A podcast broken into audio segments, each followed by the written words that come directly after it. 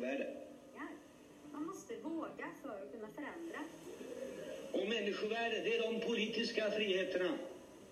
Rätten att fritt få uttrycka sin mening.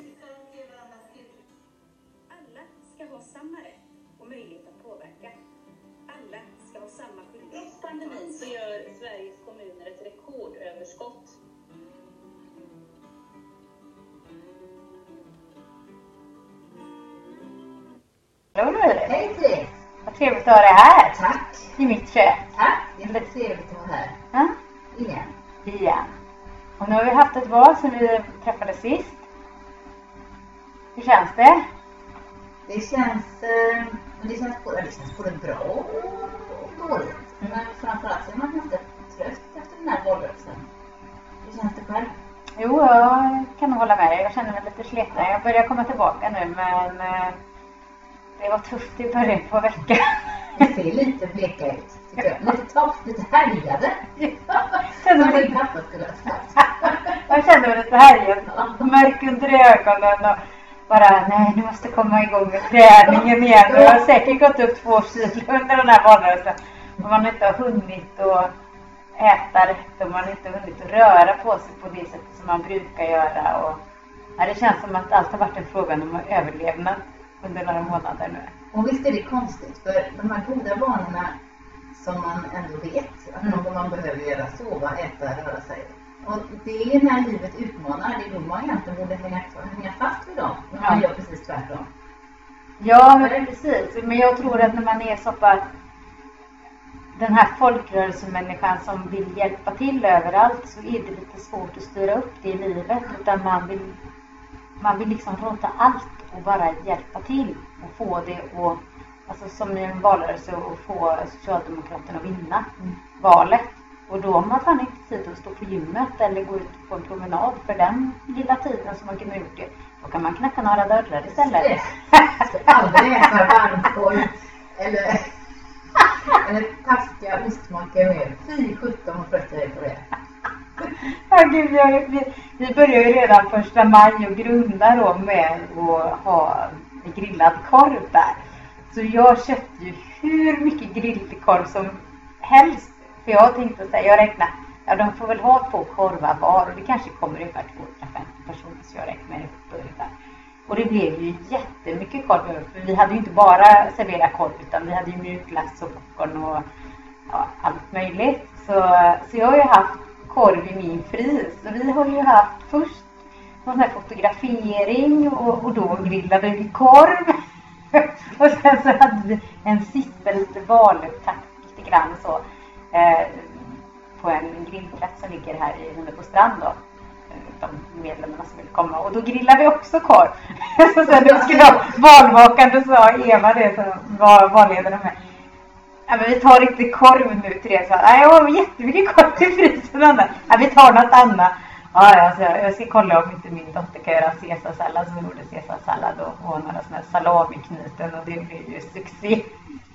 Men eh, ja, det var lite korv i, i dem där men det var inte sån korv som jag hade i frysen. Jag måste säga att jag, jag mår nästan lite illa när du pratar om korv. Jag får liksom lite så här, oh. Usch, vad tungt det blev med bröstet. Jag vill inte ha korv på väldigt länge. Vi hade, men vet du vad? Vi har ett valresultat. Mm. Och jag vill börja med att gratulera till ett riktigt, riktigt bra eh, val i Sotenäs. Tack så mycket. Ja, det känns helt galet. Ja, Det är fantastiskt. Ja, för, för först så på Eh, valnatten så kunde man ju se tendenserna då till att vi var störst. Vi hade ju kontakt hela tiden med de här som satt och rösträknade som var medlemmar i våra partier då. Eh, och de sa ju det att våra höga var eh, hög, det var fler liksom i den högen än Moderaternas hög. Och Moderaterna har ju varit jättestarka i Sotenäs innan. Så jag bara woho! Jag hade hoppats på 12 mandat men eh, vi landade på 8 mandat efter det. Men vi var ändå, och Moderaterna backade fyra mandat så de låg också på åtta mandat. Eh, och då men- men vi var procentuellt större än vad Moderaterna var. Och så tänkte jag så här, hur ska vi kunna, kan man hitta en konstellation där vi kan bli styrande som socialdemokrater? Men jag var inte helt säker. Och på onsdag så kom poströsterna. Ja men du vet, då dansade jag och tjöt här i köket. Vid fyra tiden typ, för vi hade kommunstyrelsen på förmiddagen. Vi var färdiga vid två så jag gick upp och satte mig lite och jobbade och sen så åkte jag hem. Och så ringde Kent som är våran i och sa att nu är det färdigräknat. Och ni fick så här många röster, jag tror det var 116 röster. Moderaterna fick ja, hälften ungefär av det. Och då hade jag suttit och simulerat på Valmyndigheten under dagen. Så här, ah, det kanske, kanske är vi där så vi får nio mandat. Så jag ju snabbt som ögat på Valmyndigheterna. Och där stod det nio mandat. Så jäkla härligt. Jag skrek och jag ringde till Jan-Ola som var på Irland, vår ordförande. Du sitter väl ner? Nu måste jag säga det här. Nej, det var helt Och galet. där ser man hur nära det är och hur viktigt Ja, att man röstar och att varje röst eh, räknas. Jag tror att vi det var, blev ungefär 40 röster från att ta ett Mm. tionde mandat som hade känts riktigt gott om vi hade fått det. Men vi landade, vi valde våra nio och vi har också ett bra valresultat. Ja, och det är väl det man får tänka också det här att vi ändå, även om vi inte har gått fram jättemycket, så har vi ändå behållit våra väljare. Och det tror jag är viktigt och att man ändå kan säga att vi procentuellt har gått fram lite grann också. Nu gick vi ändå fram ett mandat också, och det var ju väldigt roligt. Men, men även om vi bara hade fått åtta då, så var vi ändå procentuellt, hade vi gått fram också från förra valet. Och det, det tycker jag att man behöver ta med sig. Att vi ändå har gjort en framgång i det. Och, och här som du och jag som faktiskt också eh, verkar i eh, traditionellt starka moderata kommuner. Då är det ju inte bara bara. Det spelar ingen roll hur bra avsikter vi har och hur mycket vi brinner för saker och ting för att eh, många röstar ju på Moderaterna. Och, och då får de ju politiken ut efter det. Men eh, grattis till er också Louise tycker jag. Ni har gjort ett fantastiskt arbete under Ja. valrörelsen. Det har vi faktiskt. Det är så roligt. Det finns så många fantastiska människor där ute som hjälper oss. Vi har delat ut 2000 av de här kokböckerna och vi har knackat. Jag tror att vi var de i den här statistiken på Rosen som är vår portal liksom, Socialdemokraterna. Så tror jag, kanske inte alla registrerat i och för sig, men vi har knackat dragit ut 500 dörrar. Och då får man tänka att vi bor i en landsbygdskommun där man får åka mellan dörrarna. Mm. Nej, det känns bra. Ja, det är bra jobbat.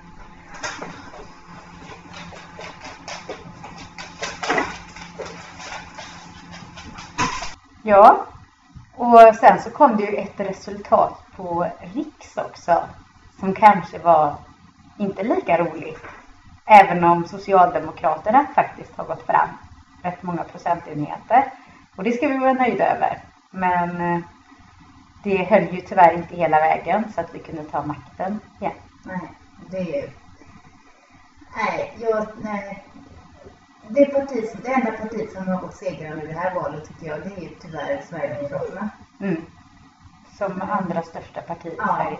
Och nu får vi se vad det är, vad som händer nu och vad det är för resultat för landet. Och, Mm. Och den nya konstellationen är ju att det kommer att vara Moderaterna och Kristdemokraterna som kommer att ja, styra landet med stöd av Sverigedemokraterna och Liberalerna. Så som det ser ut nu. Nu är de inte, vi har ju inte hört förhandlingarna och han har ju inte blivit vald till statsminister, eh, Moderaternas eh, partiledare nu. Men det är ju så som jag har förstått att planen är Mm. i alla fall. Och Magdalena, våra statsminister, har ju sagt att hon tackar för sig. men menar du, men då är det så att då säger då gör inte Sverigedemokraterna anspråk på att sitta med i regeringen. De gör inga... Det skulle vara intressant att höra vad de har för anspråk och vad de har för krav. För de är ändå klart största parti på den sidan. Och det hade, nej, jag ska inte säga att det hade varit eh, att det vill ha med regering, definitivt inte. Men någonstans så hade det nog tid för dem att kanske faktiskt börja ta ansvar då. Och inte, så att de inte hamnar i en situation där man där de på något vis fortfarande kallar sig att de är i opposition. Alltså, nu är det dags att upp till bevis. Mm. Precis. Alltså, från början så trodde jag ju att de skulle ha ministerposter för det lät ju lite så när man läste tidningarna och så. Och Ehm, Han sa ju det, Jimmie Åkesson, på valnatten. Att jag, vi kan vara basen i en borgerlig regering. Ja. Men sen är det väl det här, eh, vad jag förstår, att Liberalerna inte kan ställa sig bakom att de sitter i regeringen. Och då kommer de inte kunna rösta igenom en regering. Så att det är väl det som kanske gör att de väljer att avstå då. För att de ändå, men, men egentligen, oh, oh. alltså om man ska vara helt krass så tycker jag ändå att ja men om nu svenska folket har röstat eh, på Sverigedemokraterna som andra största parti, ja men då kanske de ska vara med och regera då med Moderaterna och, och ha liksom ministerposter och så. Så får de väl visa vad har de för politik egentligen. För det är klart, det är jättelätt att sitta i opposition och säga jättemycket saker. Alltså du och jag är också opposition, även om vi inte är Sverigedemokrater. Det är klart att vi vill jättemycket saker. Men det är ju inte så att vi kommer kunna genomföra allting direkt. Sen är vi ju ändå ett gammalt parti med ansvarsfull ekonomipolitik. Men hur är det att ha Sverigedemokraterna på regeringsnivå liksom? Eh, Vi har ju faktiskt en, en kommun i närheten Munkedal som har varit eh, eh, styrd av Sverigedemokraterna under fyra år Mm. och kommer antagligen bli fortsatt styrd av Sverigedemokraterna. Vi vet ju inte riktigt ännu hur det blir. Men ett annat program så kanske vi kan bjuda in Lisa Mm. som är oppositionsråd eh, där hon kan berätta om hur det är att få vara socialdemokratisk politiker i en sverigedemokratisk kommun. Mm. Mm. Så att, eh, ja, nej men det var väl lite tråkigt såklart. Men eh, vi har fyra år på oss och Magdalena har fyra år på sig att visa vilken fin eh, partiledare hon faktiskt är och vilken bra statsminister. Men jag tycker ändå att det är ett gott betyg av en, en partiledare som har varit partiledare i ungefär nio månader och hämta hem en sån procentuell ökning på, faktiskt. Hon är otroligt duktig alltså. Så statsmannamässig. Säger man så? Statsbildarmässig. Nej men alltså hon, hon hade ju varit den självklara eh, statsministern. Ja. Alltså, jag har väldigt svårt att se Ulf Kristersson som statsminister. Men eh, nu är det som det är, men de ska få sig en match, Ja, högern. precis. Och nu är det ju faktiskt så att nu är det ju färdigt i riksdagen. Mm. Och nu vet vi ju det Louise, att du har kommit in i riksdagen. I morse eh, när jag vaknade så tog jag telefonen och så kollade jag. För nu har de här rösträkningen tyckte jag har tagit så himla lång tid. Men i morse när jag vaknade, då var det klart. Och då får jag säga att då var ju du lite seg för efter jobbet igår så var jag inne och kollade och då såg jag att det var klart. Ja, Vad var klockan då? Ja, det var klockan fyra tror jag. På eftermiddagen? Nej, det kan inte vara möjligt. Nej, då kan inte alla distrikt vara räknade. Menar du det? Ja, fyra eller fem. Det var, det var när jag satt i bilen för sen kom jag hem och då Va? tittade jag inte Jag mer. såg att jag kollade senast klockan 22. 23. Nej, ja, det spelar ingen roll. Mm.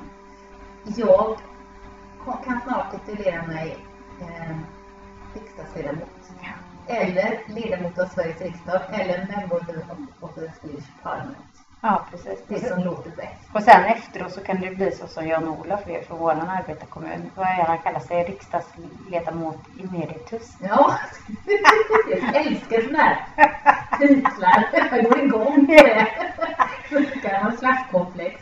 Ja, vad härligt. det är ju helt otroligt. Jag är så tacksam för alla, all pepp och alla, all, allt stöd och alla goda råd och alla liksom lyckönskningar. Och Och du ska upp redan nästa vecka. jättenervös. Ja, jag åker på tisdag. Eh, jag, hade, jag bokade biljett förra veckan. Men för nu på första resan då fick man stå för eh, både tåg och, och hotell själv och så får man tillbaka dem sen. Mm. när man kommer upp. Och jag bokade förra veckan för det är ju fullt. Det är inte så himla lätt att hitta hotell i Stockholm. Men då hade jag avbokningsbart för säkerhets skull. Mm. Men då åker jag på tisdag och på onsdag Eh, så börjar det. Och då är det två dagars med introduktion och vi kommer säkert få massa information och eh, ja, både nya och gamla riksdagsledamöter som kommer upp nu. Och sen åker jag hem på torsdag kväll och sen så åker jag upp på söndag igen. Och på måndag är det upprop. Och på tisdag är det riksdagens öppnande. Åh, vad härligt. Och jag, och jag går omkring och övar kungsången hemma. För det, det är ju kungen som är vår statschef. Ja. Och jag måste kunna kungsången. Och jag ju inte stå där och, och mima fel när kameran liksom, kameran sveper över. Så igår när jag var ute och gick en, en lång promenad så, så sjöng jag för mig själv ganska högt. Så kom det lite folk gående. Så nu, nu är det det du lyssnar på på Spotify. Ja, det är för kungsången och eh, nationalsången. Den kan jag i och för sig. Men Ja. Du, Ja. du vill kunna alla verserna. Ja, det blir liksom lite högtidligt och pampigt på något sätt. Så nu ska du och träffa kungen. Ja. Herregud. Kan inte du bara springa fram och slita upp allting och säga att jag vill bara ta en selfie? Så vi kan lägga upp den på våran poddsida. Ja, du får ju ta ett kort på kungen i alla fall så vi kan lägga upp. om jag kommer åt Ja. ska jag göra det. Mm. Ja, det finns säkert massa regler för fotografering ja, och hur man ska göra och hur man ska sitta. Jag har ingen aning. Men det ska bli otroligt spännande. Gud, vad roligt. Ja, det ska bli roligt att följa dig på den här resan. Det, det måste jag säga. Det, det ska bli Jag jätteroligt. hoppas att vi kan samarbeta. Så, alltså man har... Eh, dels ska vi podda när, du, när jag är i Stockholm och så. Och, men också att vi kan samarbeta. Man kan liksom inte liksom skriva ihop motioner eller debattartiklar. Och, Mm. du måste ju Therese komma och hälsa på. Ja, det ska vi göra. Vi har ju en eh, peppig frukostklubb som vi ska... Vi har ju faktiskt lovat det att vi ska komma upp och så skulle du visa oss något tekafé som vi skulle Mm. gå in och känna oss Mm. som att vi är liksom... Då ska vi Lite lyxa till kapitalistiskt. Ja, det, är verkligen. Ska vi lyxa till och så ska vi eh, dricka te på Svenskt Tenn på Strandvägen. Låter lite socialdemokratiskt. Men vad tusan. Det, kä- det känns, jag känner som en här som ska in där, glida in och dricka lite te så. Det här kan ju stiga mot huvudet. Jag Jag väntar att vi får klippa bort det här. Jag tappar alla mina rötter när jag tog plats i riksdagen. Det var så. Det är då hon sitter och sippar på sitt te. Just det.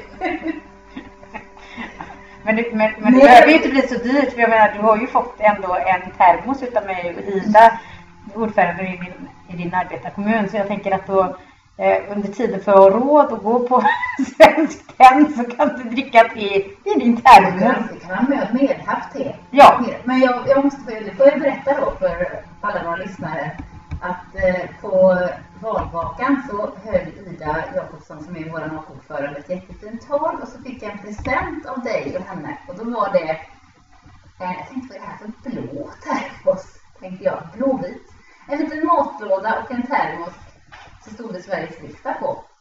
Mm. Jättefin. Ja, jag tänkte Ja. den kunde du behöva. Ja. Alltså jag menar det, det, du får ju ha en liten liksom, matlåda som du kan eh, lägga mat i och värma. Så att du behöver inte köpa lunch varje gång. Alltså, man måste ju spara sina pengar. Absolut, och jag tänker att jag ska ha med den på tåget. Ja, Perfekt. tågmackorna är ju inte så lockande. nej gud vad äckligt. Mm. Nej, nej, men det är nog bra. Mm. Och så lite kaffe eller, ja, vi, vi, vi tyckte ju att du kan välja om du vill ha mjukglass eller kaffe. Mm. För att det är nämligen så här att Louise har lovat oss allihopa här nere i Fyrbodal då, eh, att hon ska köpa en mjukglassmaskin om hon kommer till riksdag. Så det är vad vi förväntar oss varje gång vi kommer till Louise. Det är att vi får äta mjukglass hur mycket som helst. Jag, jag har tittat lite på mjukglassmaskinen. Frågan är om det är, om det är försvarbart att köpa en mjukglassmaskin hem. Kan du inte köpa begagnat på Blocket? Att jag vill ju ha en, det ska ju vara en god mjukglass. Ja. Liksom. Eh, Men, nej, men eh, och frågan är, ska jag ha den i, i Stockholm eller så ska jag ha, ska jag ha haft en sund? Och hur, hur mycket mjukglass äter man i januari? Ja, men det, det får ju vara i Stockholm tycker Har jag. jag lovat verkligen att jag ska göra detta? Och jag tycker nog att du, jag tänker mig liksom. Inflyttningsfesten, för jag tänker du kommer ju få en lägenhet där. Inflyttningsfesten kunde ju vara liksom Louise bjuder på mjukglass till alla. Till Alla, alla. ja. Ja. Men precis istället för så här du bjuder på laget runt med sprit. Mm. Så, för vi, så kan man ju inte göra när man sitter i riksdag. Utan då säger man, jag bjuder hela laget runt på mjukglass. Skulle alla 100 107 socialdemokrater som. Kommit in i riksdagen. Ja men fattar du vad populär du Ja. kommer bli i Ja, men riksdagen? Alla bara ska vi gå hem till Louise och hänga en sväng efteråt. Det här att jag får en lägenhet och inflyttningsfest. Jag vill ändå tona ner det lite tjejer. Man får disponera en övernattningslägenhet. Ganska enkelt utrustad tror jag. Och frågan är om man kan ha inflyttningsfester. Jag vill liksom bara... Jag tänker att inflyttningsfest, det behöver inte låta så dramatiskt utan alltså bjuda på mjukglass. Nej, det är det är liksom... mjukglass och Ja. kaffe. Ja, Alla som har kommit hem till mig nu under valrörelsen, de har fått kaffe och Piggelin. ja. Så det är det som har funnits Så nu väntar vi oss Ja. om vi kommer till Stockholm att då är det inte Piggelin. Och då tänker jag att den enkla utrustningen som man har i övernattningslägenheten den blir lite förhöjd utav mjukglassmaskinen. Du, jag ska googla fram en mjukglassmaskin efter vi har poddat klart idag. Jag tycker den här podden ballar ur lite grann. Vi är ganska Jag har ingen aning om vad jag säger. Men den, den måste få balla ur lite. Jag menar, annars blir det för jäkla tråkigt för lyssnarna om de bara ska sitta och lyssna på när vi är jättetorra. Vi är inte så torra i och för sig. Nej, vi är inte Jag vet inte om vi någonsin kommer bli torra. Åh, Ja. Nej men du, det, eh, jag tycker vi ska vara nöjda. Om jag ska sammanfatta detta. Vi är inte nöjda med valresultatet i Sverige. Det är bedrövligt. Det känns jättetråkigt. Eh, men eh, vi har två i alla fall spännande fyra år framför oss. Verkligen. Eh, Och vi har gjort bra resultat.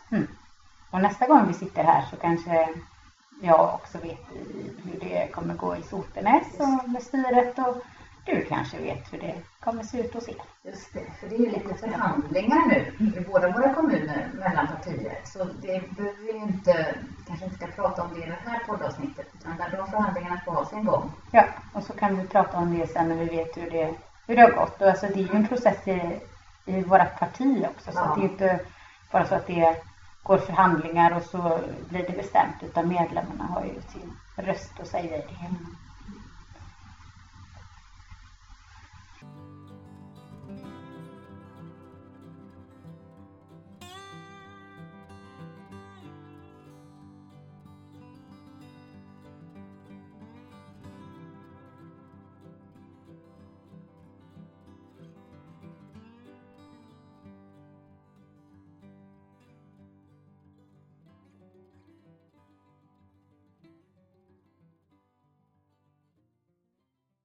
eh, jag tänker på eh, om vi ska gå tillbaka lite till eh, hur det var under själva valrörelsen och de här slutdebatterna som var.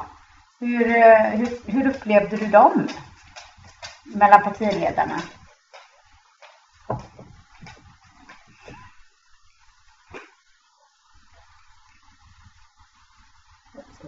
Jag inte någon slutdebatt. Nej, Nej. Vi tar en paus igen. Vi tar en konstpaus och säger det igen. Jag kan inte se dem. Jag vi, vi, vi?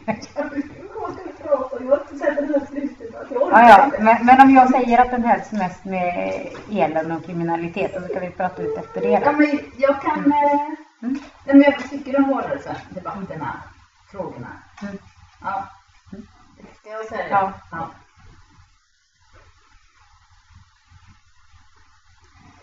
Du Therese, eh, om vi tittar tillbaka lite grann på den här hetsiga månaden av eh, valrörelse. Vad, vad tänker du kring eh, debatterna och, frågorna som har debatterats i Sverige? Ja, alltså, nej men jag tycker väl att det, det kändes som att det handlar väldigt mycket om kriminalitet, segregation och eh, elektricitet. Alltså våran elförsörjning. Det handlar inte så mycket som jag hade önskat om eh, de viktiga frågorna som vård och omsorg och skola. Eh, som faktiskt är väldigt viktiga för väldigt många människor. Sen förstår jag att el också är viktigt för många. Och brott är också viktigt. Men eh, det blev glömt i det att vi ska vända på varje sten. Man måste eh, ha hårdare tag. Eh, och det pratar alla partier om. Ibland så tyckte jag ändå eh, Miljöpartiets eh, ena Märta, hon, hon gick ju in och ändå sa ibland att vi liksom glömde att, diskutera det, eller inte vi, utan de partiledarna, de glömmer att diskutera sjukvård och eh, Så att eh, det, det, det tyckte jag. Sen såklart att man lyfte det lite grann men det kändes som att det så snabbt gick bort. Och sen så fortsatte man igen och prata om det här med brott och segregation och kärnkraftverk eller inte, vindkraftverk eller inte. Eh, och även om det är viktigt så tycker jag att man borde också tagit debatten om det andra och faktiskt gett det lite utrymme. För det är någonting som är väldigt, väldigt viktigt i människors vardag. Jag håller med. Jag tycker det har varit en ganska bedrövlig valrörelse. Vad hände med eh, den här Coronakommissionens rapport kring äldreomsorgen? Mm. Vad hände med det? Liksom? Alla applåder och, och hjärtan i sociala medier som undersköterskor fick. Vad hände med det? Ingenting. Nej. Har det varit någonting om äldreomsorgen under den här valrörelsen? Nej. Nej. Det, Ja, och, vad, och vad vill liksom, vad ska vi skriva för, för berättelser för de kommande 20, 30, 40 åren? Vad vill vi? Vad är visionerna? Mm. Eh, alltså, någon, vi ska utvecklas som mänsklig ras, liksom. vad, vad vill vi vara? Jag, Ja. jag, tycker, inte- jag tycker inte det funnits någonting. Det är som du säger, det har varit hårdare tag, hårdare straff, eh, kärnkraft. Och på något sätt så kändes det också som att helt plötsligt så var det bara eh, invandrare som var de som var kriminella också. Att man var tvungen att göra någonting i de områdena. Och, och det kan jag ju förstå. Alltså det kan jag hålla med om att det inte ska vara så segregerat och så. Men helt plötsligt så var det precis som att eh, Nej men det var bara de som gjorde det. Vi har en hund där i bakgrunden som gnäller lite. det var det som låter. Men, är men det är bedrövligt. Ja, och, ja. igår när jag satt på jobbet och så pratade vi lite om det. Eh, jag försöker inte vara så politisk när jag jobbar på hemtjänst som undersköterska. Men det är klart att på luncherna så pratar de ju politik. Och i, nu var det ju val alldeles nyligen så att då pratade de ju. Och då var det en tjej där, hon är ju inte så liksom hon är inte politisk på det sättet. Men hon sa det att när, när hon hade lyssnat på debatten och det var så mycket skit snack hela tiden och man kastar skit på varandra. Jag sluta lyssna på det. Jag vill inte rösta på någon som står där och bara skyller över på någon annan. Utan säg vad ni ska göra istället. Vad kan ni göra för att göra det bättre? Istället för att säga vad de andra inte har gjort bra. Eh, och det tror jag är viktigt att ta med sig. Att nej, det är faktiskt inte vad de andra inte har gjort. Utan vad kan man göra själv? Vad kan vi göra på bästa sätt? Eh, och, och där sa hon ju också det här, för då pratade vi om det här med brott och migration och så. Då, hon sa det, det, det var det är precis som, vadå, har vi inga svenskar som gör brott?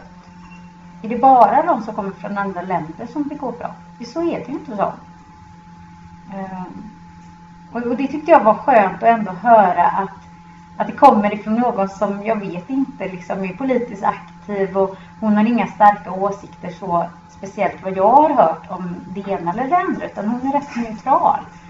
Eh, och det är, så, det är så folk där ute uppfattar de här debatterna tror jag. Eh, för det, det uppfattar man ju inte alltid när man sitter i sin egen lilla sfär med förtroendevalda och medlemmar som tycker samma saker. Så då kan det vara skönt att, att komma ut och få höra vad andra tycker faktiskt också. Jag orkar inte ens lyssna på partiledardebatterna i TV. Det är svårt, vågar man säga det som aktiv politiker? Men jag, jag stänger av TVn flera gånger. Jag orkar inte med det. Jag tycker att det har varit, alltså, jag sa, jag tycker att det har varit en äh, jäkligt enkelspårig valrörelse. Ointellektuell på något vis liksom. Ja, det var ju, jag, alltså jag lyssnade på slutdebatterna där. Eh, var det tre debatter jag lyssnade på. Och sen så tittade jag lite grann, slökolla på den här med, med, när de intervjuat partiledaren också. Men jag såg inte hela på någon utav dem tror jag.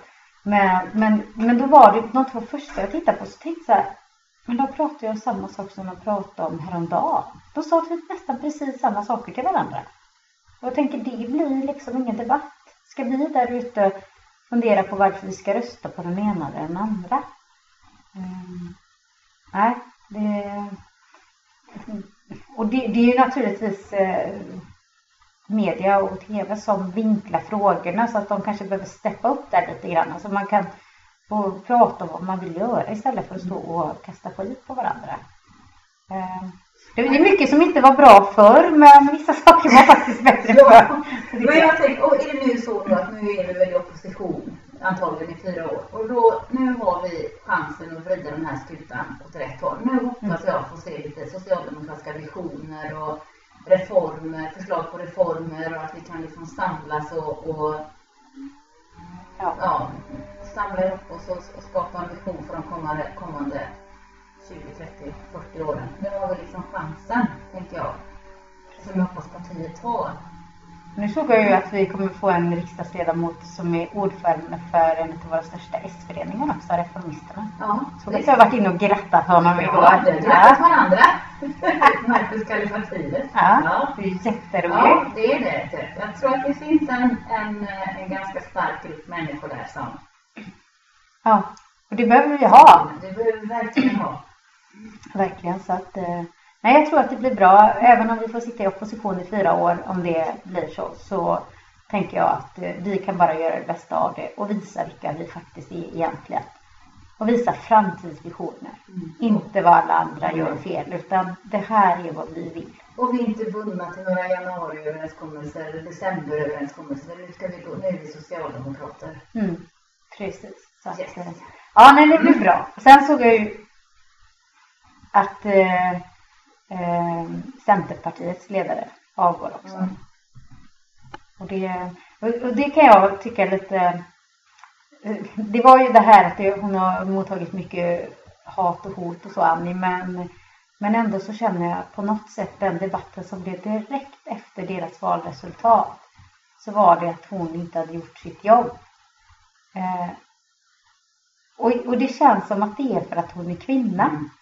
För att det är alltid, du dö- döms alltid hårdare om du är kvinna för allt du gör. Och jag tänker att Centerpartiet är ett stort parti med många medlemmar. Många medlemmar har varit ute och gjort sitt i kommunerna. Det kan ju inte vara möjligt att det är Annie Lööfs fel att de har gjort ett dåligt valresultat. Utan där har de ju alla en del i det hela. Så är det ju. Man hjälps ju åt och man valarbetar. Hon har ju inte varit ute i varenda kommun och valarbetat. Utan det har de andra medlemmarna gjort. Och så går medlemmarna ut och dömer henne och det kan jag tycka är lite fel. Jag vet att det förekommer i Socialdemokraterna också. Det förekommer i de flesta partier och föreningar att man gör så. Så fort det går dåligt så vänder man ryggen till dem. Sen är det många som inte har vänt den ryggen också. Men jag tycker det är tråkigt när, man, när det går ut i tidningen när man håller på och pratar om det och tycker så. Ehm, Jag tycker hon har varit, jag, jag, har ju, jag håller ju inte alls med Centerpartiet och den ekonomiska politiken. Och det gör ju inte du heller Nej. naturligtvis. Jag tycker det är det mest nyliberala parti som finns. Men Annie har varit så rakryggat stått upp mot rasism och för jämställdhet och det tycker jag hon ska ha all cred för. mm. Hon har inte vikt en tum. Om man ser historiskt så har hon, hon har varit partiledare i 11 år va? Ja. Mm, Eh, så, så dåliga resultat har inte hon gjort under hennes period. nej, Tittar man på Moderaternas partiledare Kristersson så gör ju han väl, om jag nu minns rätt, sämre resultat än vad hans föregångare Anna Kinberg Batra gjorde som också fick sluta. ja, precis. Eh, på kanske ett inte så schysst sätt. Men jag förstår Annie Lööf med den pressen och det hat som hon har fått utstå. Ska det vara så? Mm. Verkligen. Det precis. är, det är gräsligt, det tycker jag. Vi kan ägna ett avsnitt åt det och prata om det. Ja, Ja. det är faktiskt, men det kan vi ta ett avsnitt. Men Mm. jag tycker, ja det, det, det har irriterat mig och det är ingen som har sagt att Ulf har gjort ett dåligt jobb även om någon har backat bra eh, Moderaterna. Så att, eh, Nej, det är det inte. och du och jag sätter det i samband med att det är det här att kvinnor och män, de, de värderas inte lika. Så är det. Så är det. Ja, det var väl kanske det vi hade att bjuda på idag. Eh, vi, alltså, vi fick ju en ranking. Ja. Och så kan vi säga att vi vill tacka våra norska lyssnare som, som vi uppenbarligen har. Undrar vilka det är och undrar hur många det är. Ja, det är Ja. Vi har fått jättespännande. en poddranking alltså och den eh, ser väldigt bra ut. Eller jag vet inte. Det står väl inga siffror va? Nej, alltså jag, jag vet inte Nej. riktigt hur man... Jag, jag är inte så teknisk då, så jag ska försöka gå in och kolla på de här rankningarna och se vilka som har varit inne och gillat den och så.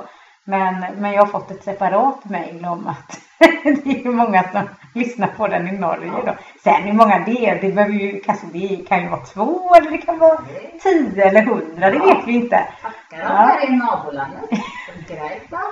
Tusen tack. Härligt. Så att vi istället för, ja, vi har ju fortfarande inga sponsorer. Men det, det tycker jag kanske är lite dåligt. Ja. Att vi inte kan. För här sitter vi och dricker eh, vårat kokkaffe då. Ja. eh, som jag har köpt. Men eh, det går ju bra att få sponsring på kaffe Mm. till exempel. Eller någonting annat käckt. En mjukglass. Ja, en mjukglass. En mjukglassmaskin kanske till och med. Ett bidrag till mjukglassmaskin. Kanske det. Nu svävar vi ut igen.